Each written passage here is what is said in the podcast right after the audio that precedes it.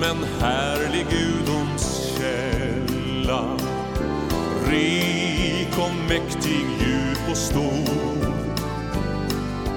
är den kärlek, nåd och sanning som i Jesu hjärta bor Det var en lite skitig kameralins. nu är det bättre. Är, är du sån som, eh, som är pedant med din dator? Nej, inte för fem öre. Inte som du. Nej, jag är väldigt pedant. Och eh, Ja, ehm, Johanna är som du. Alltså hennes skärm, speciellt på somrarna när det är, eh, när det är ljust ute och man, eh, hon sitter hemma och jobbar och jag tittar på den så ser man knappt vad det är för att det är så mycket kladd och skit på den. Och så tar jag liksom så här rengöringsmedel och sprayar på och och bara gör rent den utan att hon vet om det. Och hon kanske är på toa eller gör något annat. Så kommer hon tillbaka och så bara Oj! nu ser jag vad jag gör för någonting. Så bara, ja, precis. nej, min, min dator den ligger i soffan ibland och ligger i, på armstödet ibland på soffan. Brett armstöd, ska sägas. Jag är inte särskilt pedant kring den, nej. Det var nog bra länge sedan jag rengjorde den skärmen. Mm, mysigt. Mm.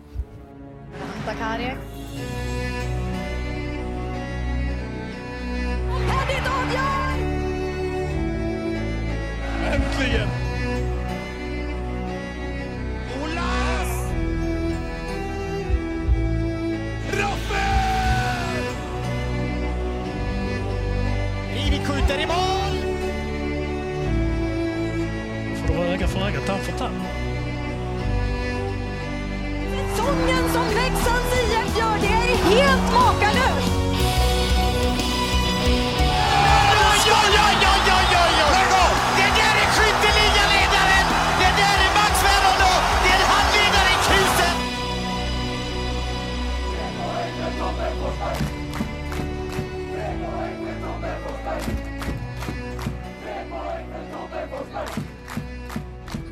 Ja, det var, det var också en inledning. Vi, vi hälsar Ja. alla välkomna till eh, ett nytt avsnitt av den här lilla podcasten.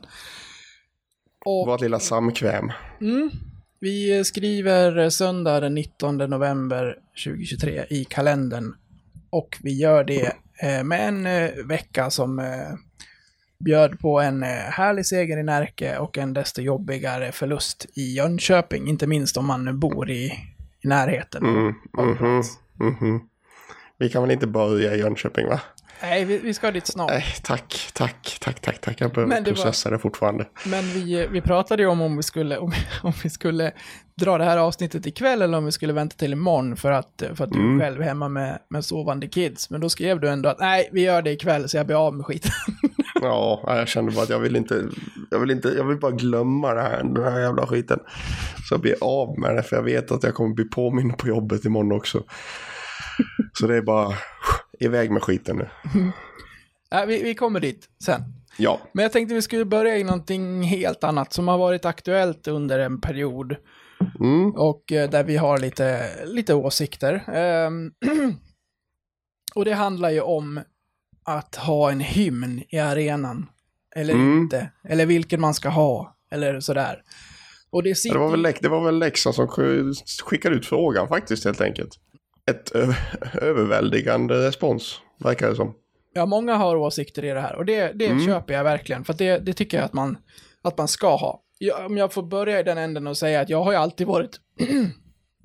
Ju jävla tupp i halsen. Jag har ju alltid varit avundsjuk på alla de här lagen som har en satt hymn som har varit där i 10, 20, 30, vad du vill, år.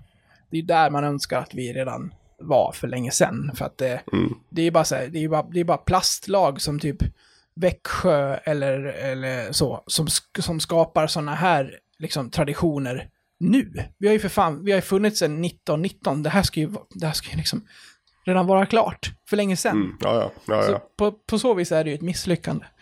Och det är ju trist. Men nu är vi ju här. Och eh, under många år så var ju det här eh, löst för att eh, Stig och Per Larsson skrev Bröder. Den plockades in i arenan. Den har haft sina fantastiska höjder. Ja. In, inte minst när han själv har varit med på isen inför fullsatta läktare och sjungit den Jag, tillsammans jag skulle säga främst då. Mm. eh, När han inte har varit på isen så har det inte nått samma höjder. Nej, det har det inte gjort. Och det är väl där du och jag står i den här bröderdiskussionen. För att det är väldigt många kommentarer i Leksands trådar om det här som handlar just om den låten. Mm. Och vi är, vi är väl överens om att eh, vi vill inte ha tillbaka den i arenan.